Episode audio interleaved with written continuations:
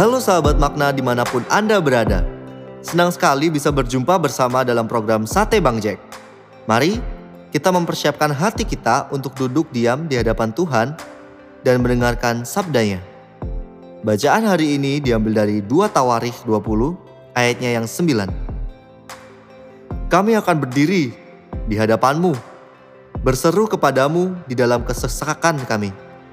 Selama lima tahun di penghujung abad 19, hama belalang menyerang Minnesota dan merusak tanaman pertanian.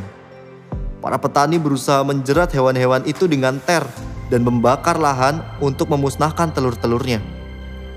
Dalam keputusasaan dan terancam bahaya kelaparan, warga menyerukan agar dilakukan doa serentak di seluruh penjuru negara bagian untuk memohon pertolongan Allah.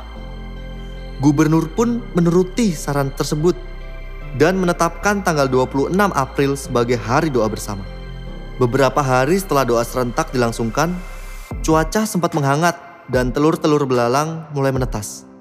Namun, empat hari kemudian, tiba-tiba saja suhu udara turun drastis dan mematikan larva-larva belalang.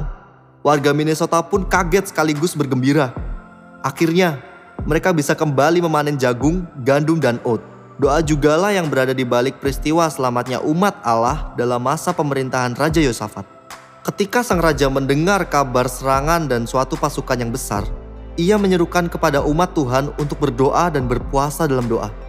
Bangsa itu mengingat bagaimana Allah pernah menyelamatkan mereka pada masa lampau.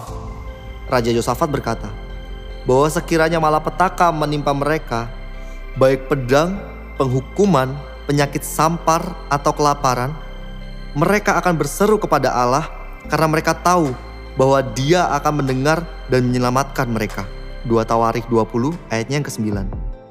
Allah menyelamatkan umatnya dari serangan musuh dan dia mendengarkan kita ketika kita berseru kepadanya dalam kesesakan.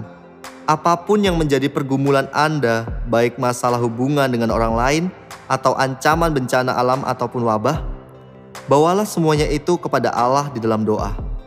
Tuhan memberkati.